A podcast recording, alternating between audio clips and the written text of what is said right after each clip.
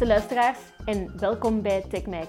In deze show keer ik de start-up wereld binnenste buiten door ondernemers te interviewen, telkens over één specifiek onderwerp. Je kan deze show ook bekijken op mijn YouTube-kanaal. Enjoy! Hallo allemaal en welkom in de nieuwste TechMac aflevering. Mijn naam is Magali Dereu en wekelijks komt er een interessante ondernemer over de vloer voor een toffe babbel. Vandaag heb ik Erik Verdijen bij mij, een van de gezichten van Qpinch, uh, angel investor en nog veel meer. We gaan het hebben over het ondernemerslandschap in België, over de start-ups waar hij mee bezig is en wat er al dan niet nog moet verbeteren. Welkom Erik. Hallo. Dankjewel Magali. Vertel eens, uh, wat is de pitch van Qpinch? Uh, wel, Qpinch is een heel interessant verhaal. we zijn een, uh, een, een start-up, een scale-up eigenlijk. We zijn veel aan het groeien.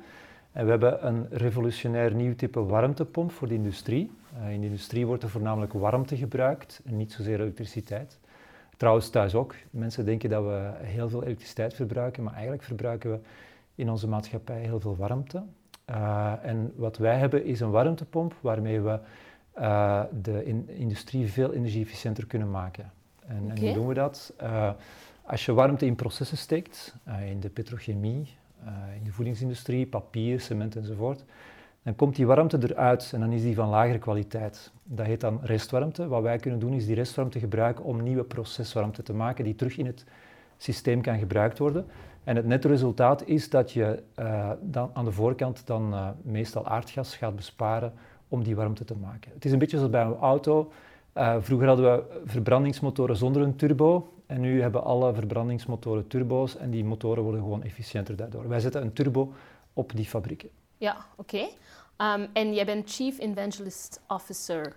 Chief Evangelist. Ja, wat betekent dat dan? Ben jij echt, zeker in tijden van klimaatopwarming, is dat toch wel een, een, een mooie rol? Ben, ben jij zo'n beetje de ambassador of wat moet je je daarbij voorstellen? ik, ik, zeg altijd dat ik de beste, beste marketingjob ter wereld heb. Um, uh, Chief Evangelist is een, een heel Amerikaanse titel. Uh, zelfs de Amerikanen, als ik op petrochemische conferenties ga spreken, moeten ermee lachen. Vinden het allemaal heel cool. Uh, het, is eigenlijk in Silicon Valley liepen er een heel pak uh, rond. Een van de meest bekende is misschien Guy Kawasaki van, ja. uh, van Apple. Ja, die heb ik uh, onlangs nog geïnterviewd. Ja. Dus mijn rol is inderdaad om ambassadeur te zijn, om te gaan spreken op, op, op, op, op evenementen, op congressen, om de technologie uit te dragen. Um, met als doel om energie-efficiënter met, al, met als doel om, om, om te zorgen dat er natuurlijk nieuwe klanten bij ja. komen. dat is een hele belangrijke.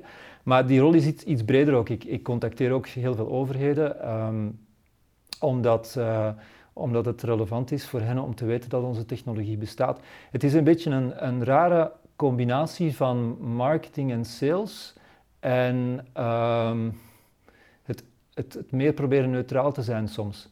Als je naar overheden gaat, dan ben je niet per definitie een pitch aan het maken dat die mensen iets gaan kopen, want die ja. kopen dat soort van dingen niet. Maar als je een technologie hebt die een zo'n belangrijke bijdrage kan leveren uh, aan de reductie van onze CO2-uitstoot in de industrie, zonder dat dat de industrie schaadt. Integendeel, want we, in feite waarom, waarom reduceer je de CO2-uitstoot uh, door energie-efficiëntie, is omdat je minder energie gaat verbruiken. En in Europa bijvoorbeeld uh, moeten wij heel veel energie importeren. We hebben een zogenaamd energiedeficit. Mm-hmm. Dus het is een win-win situatie tussen economie en ecologie. En ja. dat is toch vrij uitzonderlijk. En vandaar dat een van mijn uh, doelstellingen ook is om, om zo snel mogelijk bij Europese en internationale overheden ons bekend te, te, te maken. Nu, wat, ik, wat mij opvalt is dat zeker in politiek hoor je vaak dat economie en ecologie dat die twee niet zo hand in hand uh, gaan, maar jij spreekt dat tegen. Ja, uh, duurzame groei is onontkomelijk. Ja. Um, ik zat in Amerika een paar maanden geleden op de, de training van het, uh, uh, van het uh, um, Climate Reality Core van Al Gore. Was heel interessant, het was drie dagen met 2000 mensen. En Al Gore maakt dezelfde pitch. Zijn, zijn pitch is, is, is basically, als hij zijn presentatie doet, is van bestaat climate change? kunnen we er iets aan doen en gaan we er iets aan doen? Um, en het laatste stuk, gaan we er iets aan doen? Daar stelt hij dat we waarschijnlijk de meest interessante zakelijke uh, potentieel hebben die, die we ooit gekend hebben in de economie. Omdat die energietransitie, zoals dat, zoals dat dan heet, de shift van fossiele brandstof naar hernieuwbare energie, dat dat gigantische economische opportuniteiten gaat bieden. En je ziet dat in de praktijk ook, dat landen zoals China een flinke economische groei gekend hebben, alleen al door naar die hernieuwbare energiebronnen te gaan. En dat is, een, dat is een mooi voorbeeld daarvan. Maar het gaat nog dieper dan dat. Uh, en dan moet je echt op lange termijn gaan denken. Zelfs al zou aardolie nog honderden jaren kunnen meegaan, uh, en, en, en, aardgas, uh, en, en hetzelfde geldt voor metalen, dan nog gaan we naar een circulaire economie moeten gaan, wat betekent dat we eigenlijk geen afval meer mogen hebben. Dus duurzame groei, duurzame economie wil zeggen dat we stilaan naar een, een maatschappij moeten gaan waarbij er geen afvalstoffen meer zijn en waar alles gerecycleerd wordt. Dat is toch een utopie, laten we eerlijk zijn. Ik zie heel veel bedrijven daar uh, veel rond doen en vaak mhm. ook met oprechte bedoelingen, maar soms is het toch gewoon ook een marketingpraatje. En um, hoe graag dat we het allemaal ook willen, iedereen moet aan boord zijn, er moeten veel verschillende partijen aan boord zijn. Is zoiets dan niet een utopie? Ik, ik denk dat je het verschil moet maken tussen greenwashing van sommige bedrijven maar anderzijds, ik zie heel veel mensen binnen de industrie die ermee bezig zijn. Dus er is een verschil tussen wat, wat de algemene communicatie kan zijn van een aantal bedrijven uh, en zelfs wat die bedrijven dan intern aan doen zijn. Want je, je mag niet vergeten dat executives in bedrijven, uh, of, of, iedereen die in een bedrijf werkt, zijn ook mensen met kinderen uh, met een, met die, die daarvoor een, een, goede toekomst willen, willen hebben. Uh, dus men is echt wel bezig met het zoeken naar oplossingen. Men weet dat het onomkoombaar, onomkoombaar is. Ik ga nu geen namen noemen, maar er zijn, er zijn, uh, er zijn kledingmerken bijvoorbeeld uh, die sportschoenen maken, die al, al een hele tijd, ik heb presentaties gezien, jaren geleden al, waarbij men zegt van kijk, schoenen gaan misschien eerder uh, schoen as a service worden. Waarom noem je geen namen? Oh, ik wil gerust namen noemen. Ik heb ooit eens een heel interessante presentatie gezien van, van Nike. Ja, dat dacht ik al. Ehm, Just do it. Ja, maar, maar Adidas is er even goed mee bezig. Ehm, ik ontmoette uh, twee jaar geleden uh, de Director Sustainability van Carlsberg. Die zijn heel sterk aan het inzetten op, uh, op, op die, die supply chain, op die, um, die transportketen, om die circulair te maken. Ja. En dan gaat het niet alleen over verpakking, het gaat ook over het verminderen van verpakking. Um, het, het, gaat naar verpakking die makkelijker hernieuw, herneembaar is of terugneembaar ja. is. Uh, zorgen dat je minder uh, gewicht moet verplaatsen, waardoor je brandstof bespaart enzovoort. Dus het, het, is geen utopie, het is een utopie, het is een haalbaar doel. Gaan we 100% uh, eh, kunnen gaan vermijden aan afval? Waarschijnlijk niet. Maar zolang dat we kunnen die, dat verlies compenseren door, door de, de, de, grondstoffen opnieuw te maken, maar dat is dan terug hernieuwbaar, heb, je, heb je geen probleem. Maar neem nu batterijen, mm -hmm. als ik een voorbeeld mag geven lithium, kobalt, grondstoffen die typisch uh, gebruikt worden voor, voor batterijen. We gaan gigantisch heel veel, veel batterij nodig hebben voor elektrische wagens. Um, die batterij, men zegt dan, ja, is een elektrische wagen wel zo uh, efficiënter of, of, of, milieuvriendelijker dan een benzinewagen? Wel, je moet ervan uitgaan dat de auto's met die batterijen gaan teruggaan naar de producent en alles wat daarin zit gaat terug gerecycleerd worden.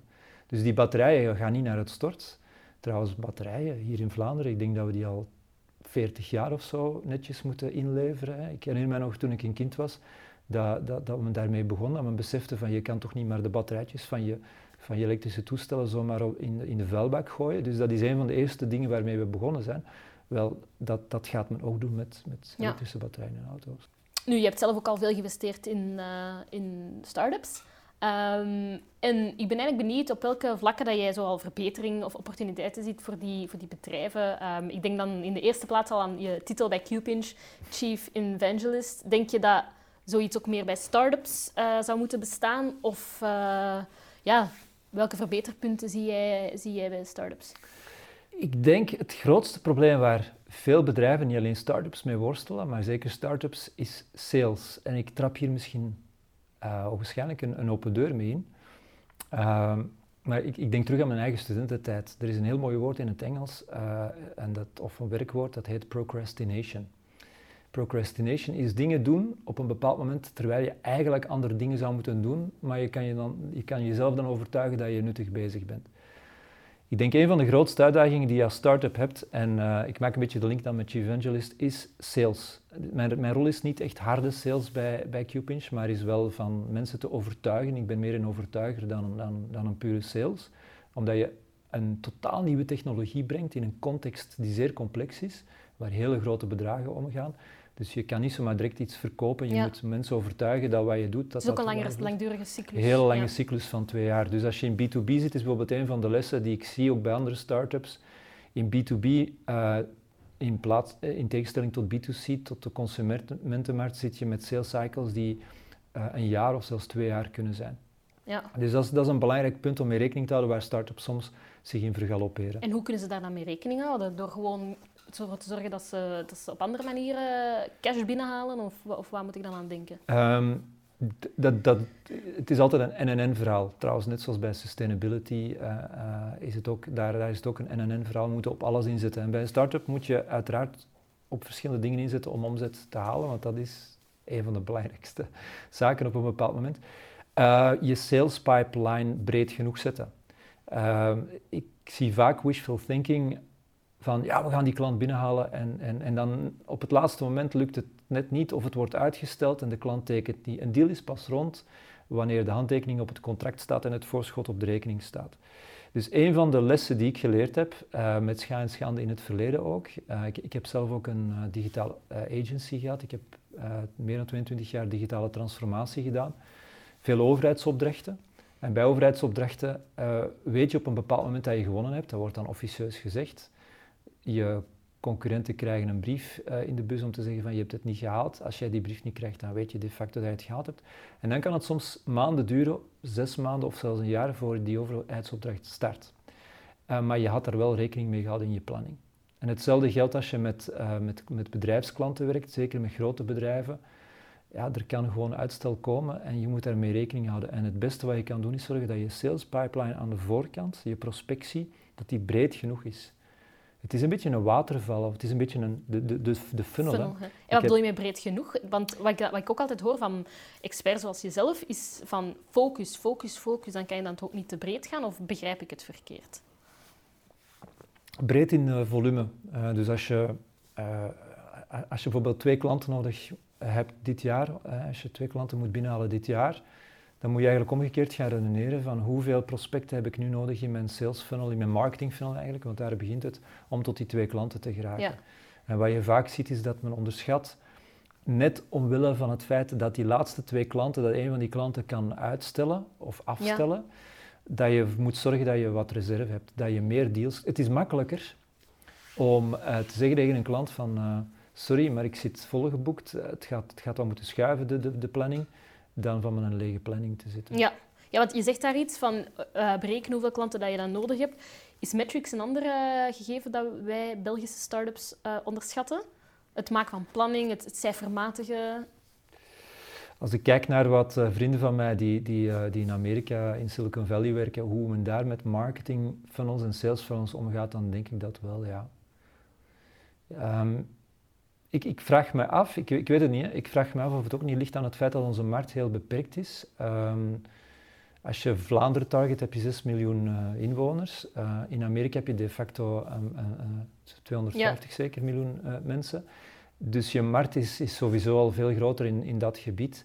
Ik denk dat de fout die gemaakt wordt door Vlaamse start-ups is dat ze te veel in Vlaanderen rondkijken, terwijl de markt ook veel, veel eer elders kan zijn. Nog steeds? Want ik, heb, ik hoor toch wel andere dingen van dat, dat minder de kerktorenmentaliteit is, maar jij zegt van het kan toch beter? Ik vraag me af of het niet, dit is allemaal subjectief, maar of het niets cultureels is. Ik denk dat er inderdaad minder kerktorenmentaliteit is. Maar bijvoorbeeld als het gaat over financiering, dan merk ik dat de bedragen die uh, andere Europese start-ups ophalen in een soortgelijke situatie vaak groter zijn voor een, eenzelfde percentage aandelen die ze daarvoor moeten afstaan. Maar ze zitten vaak ook met een groter, een groter inwoners, een hoger inwonersaantal. Uh, de markt is vaak groter. Frank Manen zat hier onlangs uh, op de sofa en die zei van je kan dat niet vergelijken, zegt hij. Want 3 miljoen ophalen in Silicon Valley is anders dan 3 miljoen ophalen in België. Ja, de, daar heeft Frank zeker een punt. Uh, en, en, en dus moet je het omgekeerd gaan bekijken. Ben je als start-up bezig met enkel je lokale markt of is je product of dienst uh, perfect schaalbaar internationaal. En ik denk de fout die gemaakt wordt is, is, is te vaak te denken van we gaan hier beginnen, zelfs al heb je een heel internationaal product. Ja. Het is makkelijk om in, in... We zitten hier goed, hè? we leven hier goed, we, we, hebben, we hebben goede sociale zekerheid. Beetje uh, gouden kooi. We zitten een beetje in die, in die, in die gouden kooi. Ik heb zelf... Mijn eerste screw-up die ik gedaan heb was um, in 2001 Ik uh, zat in Silicon Valley, ik logeerde bij vrienden. Um, we hadden een, een, heel goed idee voor een, een web-based content management systeem, maar ik had hier, hier, hier al een, een hele goede klantenbestand rond digitale transformatie. En het idee was, ja, we gaan, we gaan het hier wel doen en we gaan het hier verder gaan ontwikkelen. Terwijl ik toen heel duidelijk geld had moeten zoeken in Silicon Valley. Ik ging toen rond in, in Vlaanderen, let wel, dit is 2001. En ik kreeg de opmerking, ja, maar zou je niet beter gewoon focussen op de Belgische markt? En dan moet je proberen uit te leggen dat het internet wereldwijd is. Wat dus blijkbaar in die tijd hier nog niet zo sterk doorgedrongen was. Maar wat in Amerika uiteraard, het was post.com boom ook nog eens. Uh, ja, maar ik, via het internet kan je echt aan iedereen verkopen en kan je, kan je heel snel uh, wereldwijd gaan. Maar het is ook zo dat er natuurlijk wel meer concurrentie is. Ja, maar als je bijvoorbeeld, zoals in, in mijn geval, een web-based content management systeem aan het ontwikkelen bent, uh, een soort van, ik weet niet of je Blogger nog herinnert? Ja. Het was eigenlijk dat, een, met dat oranje logootje. Ja, ja, ja, ja, en opgekocht door, door, door Google. En, en, en Evan Williams is dan begonnen met Twitter en nu met Medium trouwens. Ja. Um, wij hadden een soort van Uber-versie van Blogger, waarmee je veel meer contenttypes had om dingen te gaan doen. En de markt was internationaal en de metrics waren, of de, de, de, de prognoses waren ook zo uitgebouwd. Ja. Uh, maar dan kom je bij investors en die redeneerden toen nog vanuit de Belgische context en, en die snapten niet dat, dat je internationaal bezig was. Nu, zij snapten het niet omdat ik het niet genoeg niet juist uitgelegd heb. Dus ik heb twee fouten gemaakt. Ik kon het blijkbaar niet goed uitleggen. Uh, aan hen. En twee, ik had nooit in Vlaanderen geld moeten zoeken op dat moment. Ik had gewoonweg met alle middelen die ik had, het feit dat ik kon crashen in een appartement bij vrienden in San Francisco, had ik het daar moeten doen. Ja, je vergelijkt, je, je vergelijkt vaker met uh, Silicon Valley. Um, vroeger werd dat ook wel eens gedaan, maar toch hoor ik ook vaker van, ja, misschien moeten we toch meer focussen op onze eigen mentaliteit en eigen ondernemerscultuur creëren. In welke mate moeten we de, de mentaliteit en de visie en de moonshot thinking overnemen van San Francisco? Heel interessante vraag. Ik, ik, ik kom uit Azië en het Midden-Oosten voor, voor Cupin, waar ik voor Cupin zat. En dat was echt een eye-opener. Dus ik denk eigenlijk, je moet nu niet meer naar Silicon Valley gaan. Ga eens kijken wat er in Azië gebeurt. Ja, zeker in China. Daar zijn ze echt... Uh... Ja, niet alleen in China. Singapore. Uh, Singapore uh, voor alle duidelijkheid, we hebben het hier over de manier waarop je bedrijfsvoering doet. Ik heb het niet over. Um, ik, ik vel geen oordeel of het een goede plek is om ergens te leven in de wereld. Dat is een andere discussie. Trouw, die, die, trouwens ook geldt voor San Francisco. Uh, want San Francisco nu is niet meer de stad van twintig jaar geleden. Nee, dat hoor ik ook vaker. Jammer genoeg. uh, maar, maar, maar ja, dus ik denk dat het de best of, of all worlds moet zijn. Ik denk dat je pick and choose moet doen. Maar Azië, wat mij, wat mij verbaast is hoeveel sneller mensen daar denken. Dus ik denk niet dat San Francisco een blueprint is, zelfs niet al zit je in tech. Ja. Uh, om, om je bedrijf op te enten. Uh, ik denk dat je de goede dingen van San Francisco, van Silicon Valley moet meepakken. Of van het Amerikaans, de Amerikaanse manier van marketing. Daar ja. kan je heel veel van leren, heel, heel, sterk. Of bijvoorbeeld de sharing economy. Dat begint nu ook wel meer op te komen, maar we zijn daar ook wel laadbloeiers mee. Ja, nu, sharing economy. Uh, ik, ik, heb destijds mee geïnvesteerd in Flavor, wat ja. Cameron nog niet gehaald heeft. Uh, waarschijnlijk was het te vroeg. Waarschijnlijk ook uh, was het een te moeilijke markt om hier in Vlaanderen weer te doen. Dus daar moet je denk ik heel goed op letten van is die markt hier groot genoeg als ja, je hier dingen begint. Dat zei Alexander van Laar in Denmark ja, ook. Ja, ja. Maar hele goede lessons learned. Hij heeft, heeft dan uh, Poppy, samen met Moos, heeft die Poppy uit de grond gestampt voor Dieteren. Ze gaan nu weer iets nieuws gaan doen. Dus, ik heb het gezien. Het wordt interessant om te zien wat ze daar gaan, gaan doen.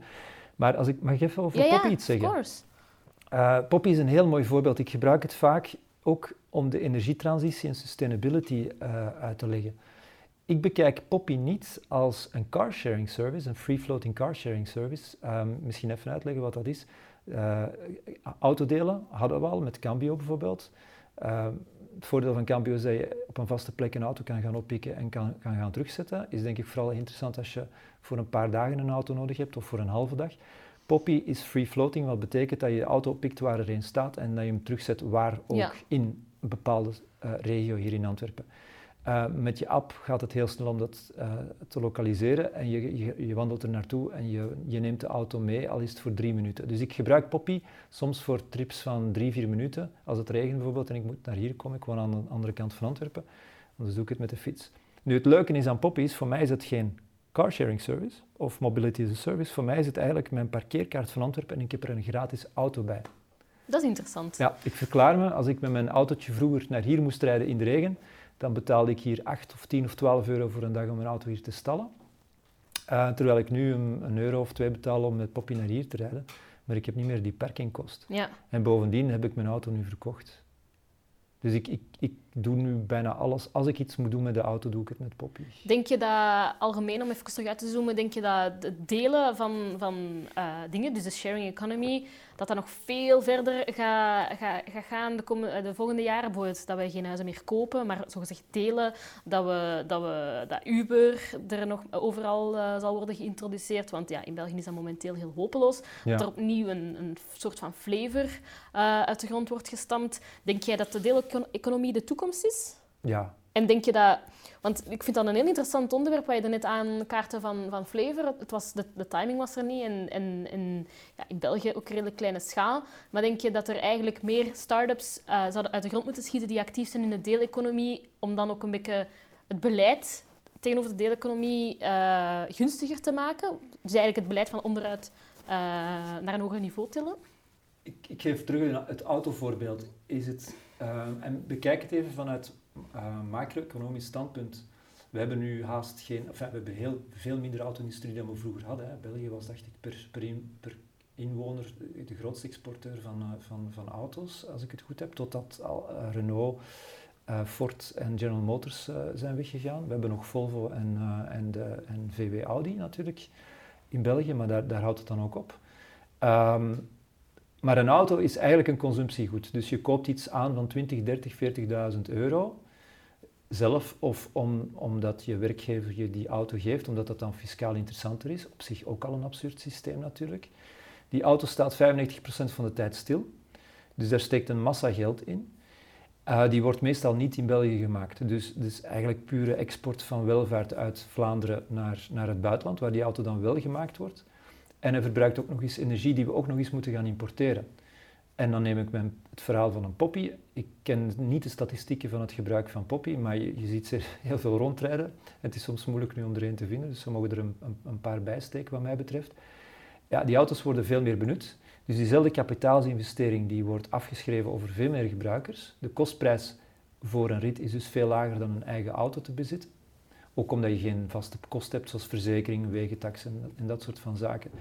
Dus als maatschappij is het veel logischer om dingen te gaan delen met elkaar.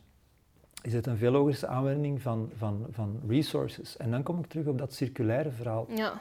Doordat we efficiënter omgaan met zulke resources, als je minder auto's nodig hebt, heb je minder staal nodig, moet je minder uh, energie gaan Dan komt de circulaire economie misschien organisch. Ja, en dat is het punt. Die twee dingen deeleconomie en circulaire economie hangen voor een stuk met elkaar hand. samen. Ja. Kleren bijvoorbeeld, je ziet dat ook, uh, dat, dat dat op begint te komen van, van, uh, van, van kleren te share. Bijvoorbeeld uh, ja. een maar anderzijds... Voor, voor, dames een heel mooie outfit. koop je er honderd en laat je die dan, ga je die dan een keer aandoen? Of, of ga je gewoon weg ergens een week een outfit huren en, en geef je hem dan terug? Anderzijds, als het gaat over circulaire economie, in mijn straat, de straat waarin ik woon in Brussel, is net een nieuwe Primark uh, geopend. Dat is toch wel wat minder circulair, als je het mij vraagt. Ja, dat klopt. dat, dat, dat is zo. Dus die trend is nog niet helemaal... Ja, maar dat is de vrije markt. Hè. De, de, zo, werkt het nu, zo, zo werkt het nu eenmaal. Voor, voor elk extreem langs de ene kant heb je een extreem langs de andere kant en alles wat daartussen zit. En ik kom terug op mijn voorbeelden van Nike en Adidas. Dat zijn hele grote bedrijven met aandeelhouders die rendement willen hebben. Maar dat betekent niet dat die bedrijven niet bezig zijn met dat circulaire. Alleen zo, het zijn megatankers. En dat is iets wat in het debat, in het publiek debat, uh, we gaan nu wel heel ver weg van start-ups, maar wat in het publiek debat uh, vaak vergeten wordt is, die grote bedrijven zijn megatankers die moeten draaien. En ja. wat politici niet moeten doen is gaan bepalen welke technologie het haalt. Dus ik geef een heel concreet voorbeeld. Men heeft hier destijds zonnepanelen zwaar over gesubsidieerd. Uh, we betalen daar nu nog altijd voor af. Ik geloof meer dat een CO2-tax, en, en dat zegt iedereen trouwens, dat zeggen economen, dat zeggen, zeggen, zeggen ook beleidsmakers, dat een CO2-tax veel beter kan sturen waar, waar we naartoe moeten gaan op het vlak van energie-efficiëntie. Ja. Omdat dan de meest efficiënte technologieën het gaan halen en niet de technologieën waarvan politici denken dat ze die moeten gaan subsidiëren, ook al zijn dat niet de meest efficiënte. Bam, dat vind ik echt een goeie. Nu het toch over een stukje politiek uh, gaat, dit is dan wel een show voor Starbucks, maar gesprekken met onder andere Alexander van Laar uh, laten mij toch ook, maken mij toch ook duidelijk dat politiek en, en, ondernemerschap vaak ook hand in hand gaan. Um, we zeggen zo van, België is niet groot, um, maar ja, eigenlijk Vlaamse start-ups richten zich amper op Wallonië en vice versa. Um, dus eigenlijk Vlaanderen is niet groot. Hoe kunnen we zoiets counteren? Moeten we, moeten, hoe, allez, moeten we, heeft het te maken met, met, met, met talenkennis of hoe moet ik dat zien? Het heeft te maken met het taalgebied, denk ik, en de markt waarin je opereert. Dus het, het verlengstuk voor uh, Vlaamse start-ups lijkt mij eerder Nederland te zijn. Als jouw product zich naar consumenten richt en je moet in het Nederlands uh, communiceren, dan doe je dat best ook direct met Nederland, want dan heb je een markt die, uh, die nog eens drie keer groter is, erbij genomen.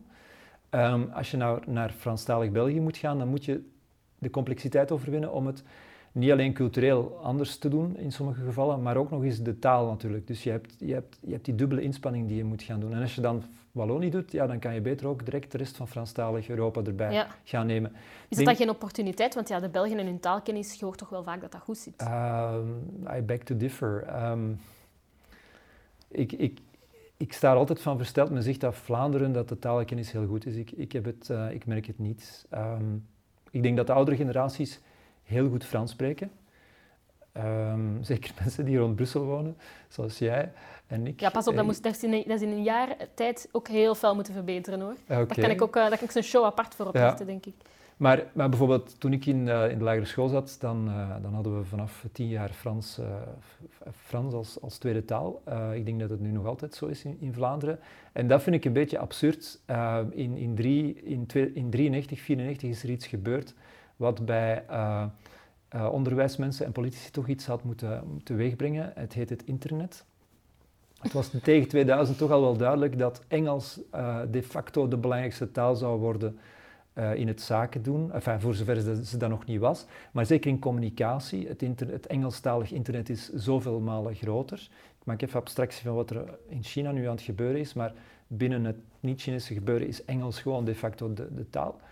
En uh, je merkt dat zowel de kennis van het Frans als de kennis van het Engels bij uh, heel wat Vlamingen ondermaats is in ja. het bedrijfsleven. Ik, ik, ik vind het ondermaats. Als ik vergelijk met als je met mensen in Europa van start-ups spreekt en uh, Aziaten, dan, dan denk ik van ja, die mensen spreken beter Engels dan wij Vlamingen. Ja. Hoe kan dat? Ja, ja, ja. Het is een probleem. En ik denk dat uh, men hier in Vlaanderen, dat de politici zich eens moeten bezinnen of Engels niet vanaf acht jaar moet onderwezen worden. Of vanaf zes jaar. Als je nu geen Engels spreekt uh, op, een, op, een, op een redelijk niveau, dan heb je een probleem. Ja. En ik zeg niet dat Frans niet belangrijk is, maar dat is, een, dat is eerder een cultureel issue. Um, maar men, men, is dat, men, men, ik, ik begrijp het niet. Ik zou, eigenlijk zou je het eens moeten vragen aan politici die met onderwijs bezig zijn, in, in, uh, dus Vlaamse politici. Het is een Vlaamse aangelegenheid. Waarom Engels zo weinig aandacht krijgt in het onderwijs. Okay. Dat is absurd. Dat is, een, dat is een belangrijk punt voor, voor, eh, om mensen klaar te maken voor het bedrijfsleven. Er zijn nog een heel pak andere zaken die je kan zeggen over de, de tekortkomingen in het onderwijs, maar dit is er zeker een hele duidelijke. Ja, digitaal ook, maar goed, dat is een, een, heel, andere, een heel andere discussie. Maar dat, dat kan je bijleren. Dat zijn, eh, dat zijn skills die je kan acquire als je... Als je en kinderen zitten nu op, op tablets. Eh, het is bijna scary, maar je ziet... Ik zie jonge kinderen van vrienden van mij die die twee, drie jaar oud zijn en die gewoon zitten te swipen en te klikken en die heel goed weten hoe ze ergens moeten op geraken om aan dat spelletje of aan dat tekenfilmpje te komen. Sign of the times. Ja. um, net had je het over uh, zwaktes van, van uh, het start-up klimaat in, in België en van bepaalde start-ups. Um, jij hebt zelf een rugzak van ervaring. Wat zijn nu toch nog jouw zwaktes? Als je even in je eigen ziel kijkt. Uh, Met betrekking tot ondernemerschap. Dat kan bijvoorbeeld gaan over work-life balance of, of, of over Work-life balance is verbeterd, maar als ik het opnieuw zou kunnen doen, dan, uh, dan denk ik dat de grootste stomiteit die ik begaan heb, was toen ik, zeker toen ik mijn eigen agency had, Internet Architects, was van nog altijd 80, 90 uur per week te werken. En eh, achteraf gezien, als ik er redelijk over moet zijn, is dat een teken van incompetentie. Als je als manager zo veel uren klopt, 70, 80 uur, en je hebt tientallen mensen dan, dan klopt er iets niet. Of je kan moeilijk loslaten. Misschien is het dat. Ja, maar dat is dan ook een zekere vorm van incompetentie. je bent daar heel rationeel over, hè? Ja, ik, ik, ik denk dat dat, dat dat een belangrijke competentie is die je als bedrijfsleider, en er is een verschil tussen bedrijfsleider en manager, dus tussen ondernemers, bedrijfsleiders en managers, laten we die drie uit elkaar houden, zijn, moeten inderdaad leren van, van hun mensen te vertrouwen en los te laten. En, en ehm, je, je kan niet alles controleren. Ja. En Steve Jobs heeft er een heel mooie uitspraak over gedaan van we hire bright people not to tell them what to do, but for them to tell us what to do.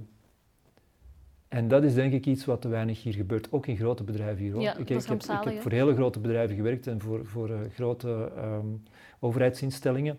Te veel micromanagement. Te veel micromanagement, te weinig loslaten, te weinig vertrouwen geven. Um, ja. Ja. Um, ja, het is wel een hele grote rug. Het is, het is meer een, een, een van, van, uh, van, van mislukkingen en slechte punten die ik mee, mee kan nemen dan een, rug, dan een rugzakje. Maar daaruit uh, leer je de meeste, de meest interessante lessen, toch? Uh, ja. Of, ja. of, heeft het jou iets er, ergens gekost? Die... Nee, nee, nee. nee. Het, het is gewoon... Het, het is, ah, beter laat dan nooit, zou ik zeggen. Uh, een ander punt is, en daar kom ik terug op wat ik eerder vertelde. Ik was vroeger... Uh, had ik drempelvrees. Ik denk dat dat drempelvrees is in sales. Vandaar dat, ik, dat we begonnen zijn met dat, dat punt van sales. Dat het, sales echt het belangrijkste punt is voor een start-up. En dat ik merk dat veel mensen daarmee struggelen. Uh, om die telefoon op te pikken, om cold calling te doen. Moeten we dat echt nog doen? Ja, je moet dat doen in, in, in, in veel businesses. Dat, dat, dat, dat, is, dat is een fout die we niet mogen maken. Als je een online dienst hebt bijvoorbeeld en je kan alles online gaan doen, dan, dan is het logisch, dan, dan ga je heel veel online kunnen doen en dan heb je weinig interactie rechtstreeks met je eindklanten. Maar als je in B2B zit, dan zijn het zeker die menselijke contacten en die relaties opbouwen die belangrijk zijn. En dat doe je alleen door mensen te gaan zien, door te bellen, door geen schrik te hebben om, uh, om afgewezen te worden. Want dat is het eigenlijk. Ik denk dat het probleem bij sales is de schrik voor afwijzing. Ja. En je moet gewoon als ondernemer uh, of als werknemer in een start-up kunnen omgaan met die afwijzing. Meer dan in een groot bedrijf waar je meer in een structuur en zit waar dat En dat heb je zelf komt. ook ervaren? Dat heb ik zelf ook Komt dat niet voort uit een stukje perfectionisme ook? Nee, dat komt voort uit schrik om afwijzing. Ja. Bijvoorbeeld um, het feit dat ik destijds niet in Silicon Valley ben gaan zoeken naar geld, was, was ongelooflijk dom achteraf gezien. En dat was schrik om afwijzing. Ja. Want het was zoveel makkelijker om um, hier in België iets te doen wat ik heel goed kon, namelijk bedrijven overtuigen dat digitale transformatie belangrijk was, en grote projecten te gaan leiden en daar goed geld mee te verdienen. En dat geld gebruikten we dan om die softwareontwikkeling te doen. Dus nog een les die ik geleerd heb is van, doe nooit consulting om product development te financieren. Dat zijn twee aparte uh, zaken. Laat je dat ook niet aanpraten. En als er toch zo is dat je en productontwikkeling moet doen en je moet consulting doen, dan moet je dat uh, afscheiden van elkaar en apart behandelen. Ja, heb je, heb je spijt van dat je niet in Silicon Valley... Uh, is het echt spijt? Of... Nee. Nee, ik, ik, ik, heb heel veel interessante dingen kunnen doen hier. Ja. Bijvoorbeeld, we hebben voor, met Internet Architects hebben we het raamcontract binnengehaald. Het was in 2010, denk ik. Samen met twee andere bedrijven zaten we in een consortium voor de digitalisering van de Europese Commissie. Uh, we hebben FMCG's, uh, de e-commerce trajecten gedaan van FMCG's, zoals Colruyt en Carrefour. Uh, dus ik heb heel, hele coole projecten kunnen doen. Dat zijn toch wel enkele mooie successen. Uh, en dan brengt me meteen bij mijn volgende vraag. Hoe moeilijk is het om je ego niet, als ondernemer je ego niet te laten overheersen en je toch te blijven focussen op het maken van een impact? Zeker gezien wat jij nu allemaal doet. Het is duidelijk dat je impact wilt maken, maar hoe laat je dat ego niet de bovenhand nemen? In de, de ervaring die ik heb met, als ik met collega's spreek, is dat ik weinig ondernemers zie die een heel groot ego hebben. Heel veel mensen zouden nu hier tegenspreken, hoor, maar... Er is... Uh, er is een verschil tussen de perceptie die je hebt als je mensen ziet in de media. En zoals hier, ik zit hier nu, ik zit hier nu te babbelen met jou. Um, maar ik heb ook een aantal afleveringen gezien en ik vind, ik vind niet dat de mensen die ik gezien heb, dat, dat, dat die een groot ego hebben. Ik nodig dan ook de juiste mensen uit. um, maar er, ik, ik, als ik een voorbeeld mag geven. Uh, bijvoorbeeld een van de dingen die ik absoluut aanraad om te vermijden is... Um, hou je niet te veel bezig met al die events van start-ups om dat je kop te laten zien en dingen te doen en op de foto te staan enzovoort, want daar verkoop je niks mee. Dus bij mij is het gewoon weg, ga eerst verkopen en als je heel succesvol bent in verkopen, dan kom je automatisch met je kop terug die focus. in, in, die magazines terecht. Maar tegen dan interesseert jou dat al niet meer. Dus ik denk niet dat de mensen naar dat soort van events gaan omdat ze op de foto willen staan. Maar ik denk dat mensen naar die start-up events gaan omdat ze denken dat ze daar iets zinvol gaan, aan het doen zijn. Goedgelovigheid Ja, ik zeg niet dat networking niet belangrijk is, maar met mate. Ja. Dus maar om terug te komen op dat ego-stuk. Um, ik, ik, denk dat succesvolle ondernemers... Ik ga bijvoorbeeld Jurgen Engels nemen, die vaak in de pers komt. En ook in mijn TechMac show. Ja, en voilà. Uh, maar Jurgen is trouwens ook investeerder in QPinch. Uh, is iemand die fantastische dingen heeft gedaan en die, denk ik, door de pers wordt opgepikt omdat hij interessante dingen te zeggen heeft en omdat hij een, een van de meest succesvolle ondernemers is van het laatste decennium. Niet omdat hij een groot ego heeft. Nee, absoluut mee eens. Ik heb hem een paar keer al zien spreken, onder andere op TEDx. Fantastische storyteller. Uh, ja, hij weet dus, het wel dus aan te brengen, die man. Ja, ja maar ik, ik, kan nog andere voorbeelden geven. Uh, uh, Bert Baak bijvoorbeeld, ja. van Trendminers. Ja, een paar weken geleden in mijn show. Ja, absoluut. En uh, ik volgde Trendminer al toen ik bij Cupinch zat. ik moest eens gaan spreken in, in, in, Brussel op een event en zijn directeur Business Development gaf daar een fantastische presentatie waar ik veel van geleerd heb, van hoe je presentaties kan verbeteren. En toen ben ik Trendminer beginnen te volgen, omdat zij in dezelfde sector zitten als waar wij ja. bij Cupinch in zitten, of toch een van de sectoren, namelijk de chemie. En ongelooflijk knap dat die zoveel tractie hebben gekregen. Dus Trendminers heeft eigenlijk software uh, ontwikkeld om, uh, maar misschien voor je kijkers, ja. dan hoeven ze niet. Zeg het maar, uh, maar ze mogen, terug, ze mogen terugklikken naar het interview met, met Bert hoor. Ja, bij deze, klik. Zet er een link erop. om om processen, om te meten wat er in processen gebeurt in chemische fabrieken. En als je dat gaat meten, kan je dingen gaan voorspellen, maar kan je ook door artificiële intelligentie en machine learning bepaalde processen beter gaan sturen dan hoe mensen dat kunnen gaan doen en kan je heel veel leren om die processen nog efficiënter te maken. Nu, de sales cycles, zoals je straks zei, in dat soort van industrieën loopt over jaren. En wat, wat hij met Trendminer heeft gedaan door op zo'n korte tijd zo, zo, zo binnen te geraken binnen al die grote bedrijven, betekent niet alleen dat het product ongelooflijk goed moet zijn, maar ook nog eens dat hij een waanzinnig goed sales team had. En ook nog eens een gameplan had dat, dat goed was. Ja, maar wonderenswaardig. Um, mijn laatste vraag. Um, als ik een, stel dat ik een start-up heb, um, met welke argumenten of welke eigenschappen moet ik afkomen om ervoor te zorgen dat jij investeert? ja, voor zover ik nog veel geld investeren heb, maar laten we zeggen, elke angel zal in principe kijken, en ik ook, naar het team. of je gepassioneerd bent. Ja, het, het, ik denk dat Frank Mano was die zei, ik investeer liever in een A-team en een B-product dan in een ja. uh, B-team en een A-product. En het is, het is zo waar. Ja. Je ziet bij heel veel startups dat ze een pivot moeten doen op een bepaald moment. Uh, een pivot wil zeggen, net zoals in basketbal, dat je op één voet blijft staan, maar dat je de andere gaat, gaat bewegen, omdat je ziet dat je niet in die richting moet gaan, maar dat je eigenlijk het verkeerd had met je assumpties en dat je toch wel moet bij, bij gaan sturen. Dus dat is belangrijk, die flexibiliteit. Um, passie. Um, als je niet gepassioneerd bent door wat je doet, dan denk ik dat je niet de energie kan opbrengen die je als ondernemer moet gaan opbrengen. Oké, en dat is iets dat je ehm. ongetwijfeld ook aan de lijve hebt ondervonden? Um, bij start-ups die, waar ik bij betrokken nee, ben? Nee, ik bedoel omdat je zelf heel gepassioneerd bent uh, door, je, door, door ondernemerschap en, en wat je met Qpinch doet. Ja, uh, bijvoorbeeld de switch die ik gemaakt heb naar energietransitie met Qpinch uh, is, dat is misschien voor een volgende keer dan of zo, ik kan, er, kan daar kan ik u over vertellen, maar is gewoon omdat ik de passie zag van Wouter Duchesne, die Qpinch heeft uitgevonden. En, um, en ook het potentieel om iets te gaan doen voor de wereld en voor, voor het klimaat. En tegelijkertijd ook nog eens voor de economie, door, door die energieefficiëntie.